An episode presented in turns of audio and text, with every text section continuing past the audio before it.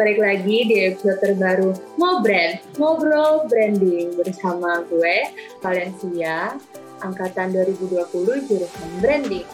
Nah, di episode kali ini kita bakal ngebahas tuntas tentang consumer journey. Nah, kebetulan nih, kemarin baru aja ada kompetisi consumer journey dan kita mengundang pemenangnya. Ada Kak Andrea dan juga Kak William. Hai! Halo. Halo. Oke. Boleh dong tolong uh, perkenalkan diri terlebih dahulu? Ada halo semuanya, nama aku Andrea. Uh, aku angkatan 2019, jurusan branding. Gua ada juga dari angkatan 2019, nama gue William. Uh, ya, gitu sih. Oke, asik. Seru ya. Ini kita santai aja yang ngobrol ya, jadi pakai gue lu juga nggak masalah kemarin kan baru menang kompetisi nih. Boleh dong diceritain perasaannya gimana sih setelah menang? Ya, mulai dari William kali, William. Silakan. Oh, uh, kalau gue sih ya pasti seneng lah ya, karena kan kayak menang. Terus uh, merasa kayak apa yang gue kerjakan, apa yang gue sama kelompok gue kerjakan itu kayak uh, it pays off gitu. Kayak ya menghasilkan sesuatu lah, nggak nggak sia-sia gitu sih. Kalau Andrea gimana nih? Nah kalau gue sih kaget, kaget juga, seneng juga, terus kayak sebenarnya lebih kecampur aduk sih semuanya karena bener-bener nggak nggak terduga juga sih di antara semuanya. Kalau William kan mungkin karena dia juga tahun lalu juga sempat memenangkan yang acara apa sih waktu ada kompetisi kayak gini kan dia sempat juga menangkan dan kalau gue kan kayak belum ada nih pengalaman-pengalaman yang kayak gini jadi kayak kaget gitu. Tapi seneng juga karena benar kata William jadi apa yang udah di apa apa yang udah dikerjakan gitu nggak sia-sia. Gitu. Oke. Berarti senang lah ya. Iyalah apa lagi gitu kan bisa menangin kontes gitu kan kompetisi. Iya nah, nah kan kompetisinya tentang consumer journey nih. Nah, boleh kali dikasih tahu dikit tentang consumer journey itu apa sih buat ke brandmate yang belum tahu nih, istilahnya belum tahu apa-apa tentang consumer journey. Boleh dong dijelasin singkat, mungkin Andrea boleh. Jadi uh, kalau consumer journey itu sendiri tuh lebih kayak kita mengetahui atau kayak lebih meneliti gitu loh bagaimana perjalanan consumer mungkin dari dia sebelum mengetahui si brand ini dari dia baru searching-searching, kemudian sebelum dia purchase, terus kemudian dia sampai ke purchase, sampai setelah purchase, di situ kita kayak meneliti gimana sih kayak uh, perjalanan-perjalanan consumer gitu. Itu sih intinya singkatnya. Oke, berarti consumer journey itu istilahnya kayak perjalanan dia dari awal banget sampai akhirnya beli gitu ya. Mm -hmm. Oke. Kalau gunanya itu, gunanya consumer journey sendiri itu apa sih, William? Boleh dong dijelasin dong. Uh, yang kayak tadi Andrea bilang sih, karena kan kita meneliti basisnya kan consumer experience kan, uh, pas selama journey uh, untuk kayak berbelanja gitu kan. Jadi dari sebelum uh, dari pre-purchase ke purchase ke post-purchase itu kita bisa mengetahui kayak step-stepnya kan. Nah dari situ tuh kita bisa ngelihat titik-titik uh, mana misalkan kalau untuk orang-orang yang belum menggunakan produk kita nih kita tuh bisa lihat kita tuh bisa masuknya di titik-titik mana contohnya kalau kayak gue kan kemarin GoFood Pickup uh, gue juga neliti orang-orang yang belum pakai GoFood Pickup kan. Jadi gue kayak neliti orang yang pakai udah pakai GoFood Delivery dan berpotensi untuk pakai GoFood Pickup tapi belum pakai GoFood Pickup. Nah di situ tuh gue lihat di proses mana mereka kira-kira GoFood Pickup itu bisa jadi alternatif lain untuk mereka masuk supaya uh, bisa diaplikasikan fitur ini gitu. Jadi dari memetakan itu kita bisa mengetahui titik-titik mana yang kira-kira uh, produk kita tuh bisa bisa berandil lah di, di rangkaian experience itu gitu.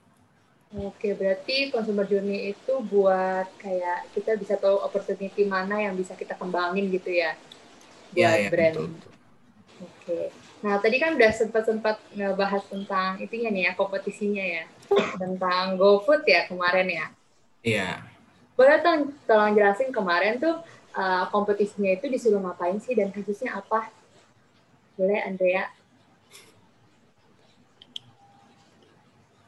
Nah, Nah, kalau aku sendiri kan beda sama William, aku lebih ke GoFood uh, ready to cook yang siap masak. Jadi sebenarnya yang kita cari itu sama dari GoFood pick up, GoFood siap masak itu sama. Kayak uh, dia mau menanyakan kita apa sih rekomendasi untuk si GoFood uh, ready to cook ini tuh biar bisa kayak uh, dimasukkan dalam masyarakat gitu loh. Gimana cara biar mereka tuh lebih banyak dipakai gitu. Terus kayak gimana insight-insight yang dari consumer terhadap si GoFood ready to cook-nya itu. Lebih kayak gitu sih. Kayak intinya kita mencari-cari insight hmm. dan rekomendasi. Berarti unik ya. Berarti kita langsung kalau yang kemarin kompetisinya langsung dari kasus gitu ya. Kasusnya di sini GoFood siap masak dan GoFood pick up gitu ya? Mm -mm. Nah, oke. Okay. boleh dong uh, kan tadi udah dijelasin nih udah ngapain aja disuruh ngapain aja kan kompetisinya nah sekarang boleh dong jelasin ngapain aja sih gimana caranya sih bisa mendapatkan consumer journey itu? Dari William boleh? Sorry gimana gimana? Pertanyaannya? Nih jadi kan kan ini ada kompetisinya kan? Nah uh -huh. kompetisinya pasti disuruh buat consumer journey kan? Nah boleh dong jelasin kemarin di tim itu kalian ngapain aja gimana caranya bisa mendapatkan consumer journey-nya oh. sampai hasilnya gitu. Tahap-tahapnya proses-prosesnya gitu. Oh kalau kalau dari kelompok gue sendiri sih pertama uh, kita kayak berembuk dulu lah berdiskusi dulu kayak uh, penelitiannya tuh mau kayak gimana. Karena kan dari penelitian itu kan bakal keluar datanya kan. Jadi kita harus tahu penelitian kita tuh mau meneliti siapa mau menelitinya caranya gimana Nah, terus kita kita nganggap sih kalau kelompok gue sih uh, nganggap pas masa-masa pandemi gini ya paling paling paling enak tuh meneliti tuh kayak uh, in depth interview gitu loh. Jadi kayak lu interview langsung one, one on one. Karena kalau kayak FGD gitu pas kemarin udah kita kan coba udah coba juga kayak semester lalu itu kurang efektif lah. Jadi kayak kita harus tahu dulu kita mau pakai mau interviewnya tuh kayak gimana kan. Terus kita juga harus tahu nih segmentasi uh, responden kita gimana. Jadi kita uh, mau interview siapa dan juga kita tuh bisa dapat apa dari mereka. Kalau gue kebetulan kemarin nih, udah mensegmentasi untuk orang yang belum pakai dan yang udah pakai yang kayak, yang kayak tadi gue bilang. Tujuannya ya yang kalau yang udah pakai itu supaya gue bisa dapat feedback dari uh, pengalaman mereka pas udah pakai itu gimana. Dan juga kayak apa sih yang mereka sukain dari GoFood Pickup, strength-strength pointnya itu apa. Jadi itu bisa dikembangin lagi. Nah untuk yang belum pakai ya pastinya untuk explore pasar sih kayak gitu. Jadi ya kita harus tahu dulu tujuannya apa, terus gimana cara penelitian kita itu bisa benefit brand. Kayak brand ini kan kayak fitur ini kan baru, jadi apa yang sebenarnya mereka butuhin. Jadi itu kita diskusiin dulu matang-matang supaya penelitian kita tuh uh, bener-bener terbentuk gitu loh, nggak nggak cuma kayak kita neliti terus kita bikin persona, nggak sesimpel itu juga gitu. Habis itu baru kita bikin persona, kita olah data, baru kita bikin uh, strategi pemasarannya kurang lebih gitu. Oke, berarti awal-awalnya pokoknya research dulu ya nomor satu ya. Dari iya, research, benar. research dari interview, baru nanti buat personanya, dan akhirnya dapat consumer journey-nya gitu ya, diimpresain gitu ya. Iya, iya. Nah, kalau dari Andrea sendiri, kan tadi pasti awal-awalnya research juga kan? Nah, research-nya tuh gimana sih caranya? Kalau kalau kita sih sebenarnya sebelum mulai itu pasti kita harus uh, cari um, narasumber-narasumber itu tuh yang relevan. Jadi kita lihat nih, oh jadi kalau kita lihat nih, oke okay, ini pakai karena agak susah juga kan di masa pandemi ini cari narasumber yang mau diinterview, terutama mereka juga sibuk. Jadi kita juga harus cari narasumber yang dan relevan juga kan. Nah di situ setelah kita uh, mencari narasumber gitu-gitu kemudian kita baru deh kita interview gini gini gini gini gini kita cari insight-nya kita gali insight-nya terus kemudian baru di situ kita segmentasi. Nah kemudian kita buat persona sebenarnya mirip sih sama yang uh, William. Kita kemudian buat empathy map makro journey-nya micro journey-nya gitu. Itu gitu. Hmm Berarti intinya kalau proses buat mencari consumer journey itu pertama research dulu gitu ya, buat mengetahui lebih dalam. Habis itu ngejelasin tentang personanya, baru ngebuat consumer journey mappingnya gitu ya. Iya betul betul. Oke, berarti cukup menarik dan cukup uh, padat kali ya kompetisinya ini. Oke oke. Nah boleh dong kan uh, di-share kan kemarin kan kemarin udah menang nih. Boleh dong di-share strateginya supaya bisa menang gimana sih? Andre dulu Dari deh. Andrea dulu boleh. Ya, boleh. Ah, gue dulu. Iya, Iya, gue nggak boleh tahu nih kalau strategi-strategi nih, lu ada strategi spesial nggak nih? Mungkin iya atau mungkin tips and trick deh buat uh, mungkin adik-adik yang nanti siapa tahu bakal ikut kompetisi Call Super Journey juga nih. Sebenarnya kayaknya pasti dapat deh semuanya. Iya sih, kalau lu branding kayaknya harusnya dapat sih. Iya, pasti Iya, dapat. kalau branding. Um, sebenarnya nggak ada strategi khusus banget sih.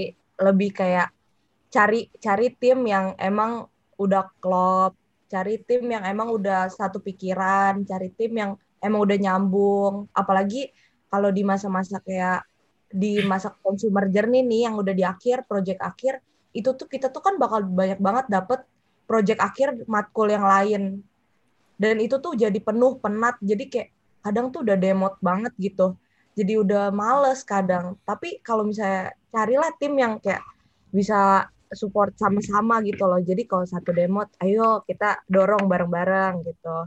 Terus uh, lebih kayak cari yang cara kerjanya sama juga. Jangan, maksudnya jangan yang kayak misalnya yang satu demennya santai banget, yang satu demennya yang nggak bisa banget nih deadline, mepet-mepet deadline. Nah, itu sebenarnya agak sedikit uh, bentrok di situ kalau misalnya cara kerjanya nggak sama. Nah, tapi kalau cara kerjanya sama itu sebenarnya enak. Terutama kayak grup gua, grup gua itu bu em, sangat mepet deadline, sangat mepet deadline banget gitu kan. Nah, tapi kita semua tuh emang kayak gitu gitu. Jadi akhirnya kalau udah mepet-mepet malah jadi efektif gitu kan. Jadi Oh. efektif dan ya gitu sih. Terus kayak em, kalau gua kalau grup gua sendiri itu harus banget sering-sering banget nanya gitu. Jadi jangan kayak nggak tahu. Kalau kita nggak tahu kita kayak ambil inisiatif sendiri. Itu boleh aja tapi kalau gua sih lebih kayak mending tanya untuk memastikan gitu. Misalnya ke dosen atau ke teman gitu yang emang paham gitu. Jadi kita nggak nggak keluar dari jalur gitu yang seharusnya gimana ya kita ikutin lah gitu gitu sih Oke, berarti kayak strategi dan tips and triknya itu cari temen yang pas gitu ya, cari temen yang pas, Nah, sama jangan takut buat nanya kali ya, biar gak Oh. sesat gitu ya. iya. Kalau dari Will, kalau dari William sendiri gimana nih strategi atau tips and triknya lah supaya bisa menang? Kalau gue sih setuju ya, kayak tadi Andre bilang, eh, lu harus cari kelompok yang tepat gitu. Karena eh, kalau kelompok lu nggak tepat, nggak mungkin menurut gue kayak kerjaan lu maksimal gitu. Kayak gue gue setuju banget sama yang dibilang cara kerjanya kelompok itu, eh setiap orang tuh beda-beda gitu loh. Ada yang jauh dari deadline, ada yang ada yang deket-deket deadline. Kalau lu, ta- lu tanya siapa yang salah, siapa yang benar, ya nggak ada yang salah, nggak ada yang benar. Itu kan cara kerja orang beda-beda gitu kan. Ya lu harus bisa memaklumi mereka gitu. Cuma kan yang namanya kerja kelompok harus pikiran itu satu gitu. Kayak kelompok gue juga sering banget diskusi kayak mungkin ini ya kayak banyak orang melihat kalau kayak orang berargumen, orang berdebat tuh kelihatannya kayak berantem gitu. Tapi kalau di kelompok gue tuh nggak ada yang kayak gitu gitu loh. Kalau kayak eh, kita berargumen ya kita benar-benar berargum- berargumen gitu loh. Kalau seandainya eh, opini gue yang salah ya gue gue yang salah ya udah gue yang gue yang berarti opini gue nggak dipakai gitu. Dan kalau opini lu nggak dipakai lu nggak bisa juga ya ah gue jadi malas kerjaan nggak nggak bisa banget gitu loh. Kayak kalau gue boleh kasih contoh sih kemarin gue sempat gitu gitu kan. Jadi cerita singkatnya gue kan gue yang salah satu yang eh, mengusung ide buat segmentasi eh, responden kan. Terus gue kayak lupa follow up plan gue ke depannya itu gimana buat bikin lanjutin ngerjain eh, papernya gitu kan. Kayak pembentukan persona segala macam terus kayak temen gue akhirnya udah bikin yang lain terus akhirnya gue baru inget gue baru sampein. Nah itu kita kayak gue bikin persona lagi terus kayak kita bandingin terus kita bahkan sampai eh, ngomong ke dosen kita gitu kan Pak Made. Terus kayak Pak Made sampai nanya ini kalian nggak berantem gitu kan? Terus kita bilang nggak kok Pak aman kayak cuma berargumen doang kita cuma ber- ber- berdebat doang mana yang bagus gitu kan. Jadi menurut gue itu penting sih kayak lu harus cari temen yang bisa saling memahami saling yang apa kerjasamanya bagus lah. Itu nggak gampang dapet tim kayak gitu Uh, terus uh, mungkin kayak gue mungkin ada sedikit trik gitu ya. Kalau lu punya kenalan kayak cutting gitu yang bisa ngasih lu ide, bisa ngasih lu masukan, insight itu harus lu terima gitu loh. Bahkan kayak walaupun itu uh, agak sedikit berbeda, tapi menurut lu itu bener ya lu harus terima gitu. Intinya lu harus bisa terima masukan dari orang lah. Mau dari luar kelompok, teman kelompok, karena nama juga kerjasama. Nggak, kita nggak bisa kayak bikin bikin ini tuh kayak ngerjain sendiri karena menurut gue setiap orang tuh uh, ada spesialnya sih. Jadi kayak dalam ngerjain consumer journey ini tuh sebenarnya kayak ada dibagi beberapa bagian gitu loh. Ada yang orang yang bisa lebih relate ke market itu biasanya buat ngerjain strategi pemasaran. Ada yang orang yang biasa lebih uh, buat researchnya itu lebih lebih bagus. Itu dia yang biasa yang kayak nentuin cara researchnya, segmentasinya, terus pembuatan personanya gitu-gitu. Itu kan beda-beda. Ya jadi kita sebagai satu kelompok harus saling melengkapi gitulah bahasa kerennya. Asik. Wah, tapi oh, bener sih. Mau nambahin boleh gak? Boleh dong. Ah. Gimana ah. gimana? Gue setuju banget sama yang William bilang kalau maksudnya kayak kalau misalnya kita itu tuh harus kayak bener-bener nerima satu maksudnya kayak kalau misalnya satu ada pendapat satu ada pendapat kita harus saling terima jadi gue juga ada cerita jadi kita tuh ada um, satu waktu itu ngediskusin cuma satu rekomendasi tinggal satu rekomendasi ini untuk dipakai atau enggak. Jadi satu rekomendasi ini tuh kayak eh pakai ini satu ntar pakai. Tapi menurut gue enggak deh gini gini gini. Aduh pakai aja deh karena gini gini gini gini. Jadi sampai kayak pakai enggak pakai enggak. Oke udah ya besok aja didiskusikannya sepertinya kita kepalanya sudah panas ya pakai atau enggak pakai atau enggak akhirnya sampai besok lagi kan? Sampai sampai besok lagi. Belum juga. Belum juga nih kan sampai masih kayak ini pakai deh. Kayak enggak pakai deh. Gini gini gini. Eh, terus-terusan aja kayak gitu kan sampai akhirnya kita lupa ada rekomendasi itu di akhir-akhir. Sampai akhirnya kita itu terakhir udah berapa menit terakhir baru diinget oh iya ada rekomendasi itu. Jadi dimasukin atau enggak nah itu. Jadi sebenarnya itu sebenarnya tetap harus ada apa ya kesatuan hati sih jadi oh, tetap okay. bisa saling menerima gitu sih jadi penting banget ya buat satu kelompok itu bisa saling menerima supaya nggak ada kayak yang cekcok yang akhirnya mengambil waktu terlalu banyak gitu ya. Bahkan ya, sampai lupa ya kayak timnya Andrea gitu ya. Oke. Okay. Ya, Oke oke. Jadi gitu brandmate kalau misalnya ikut kompetisi ya kompetisi apa pun ya kayaknya bisa kalau misalnya nyari kelompok tuh emang harus yang sesuai dan bisa saling menerima gitu. Nah, Oke deh, kita berarti udah sampai di akhir nih ya. Thank you banget buat Andrea dan William yang udah menyempatkan waktu ya bisa hadir dan ngobrol bareng di podcast Ngobrol kali ini. Semoga bisa lanjutnya sukses terus ya. Dan Thank buat brandmates kalian, ya dan buat brandnya sekalian, thank you banget udah bisa mendengarkan kita sampai akhir. Dan jangan lupa buat pantengin terus media sosial kita di IG at Branding Kasmur, YouTube S1 Branding, dan Spotify No Brand. Stay tune ya guys. Bye. Bye. Bye.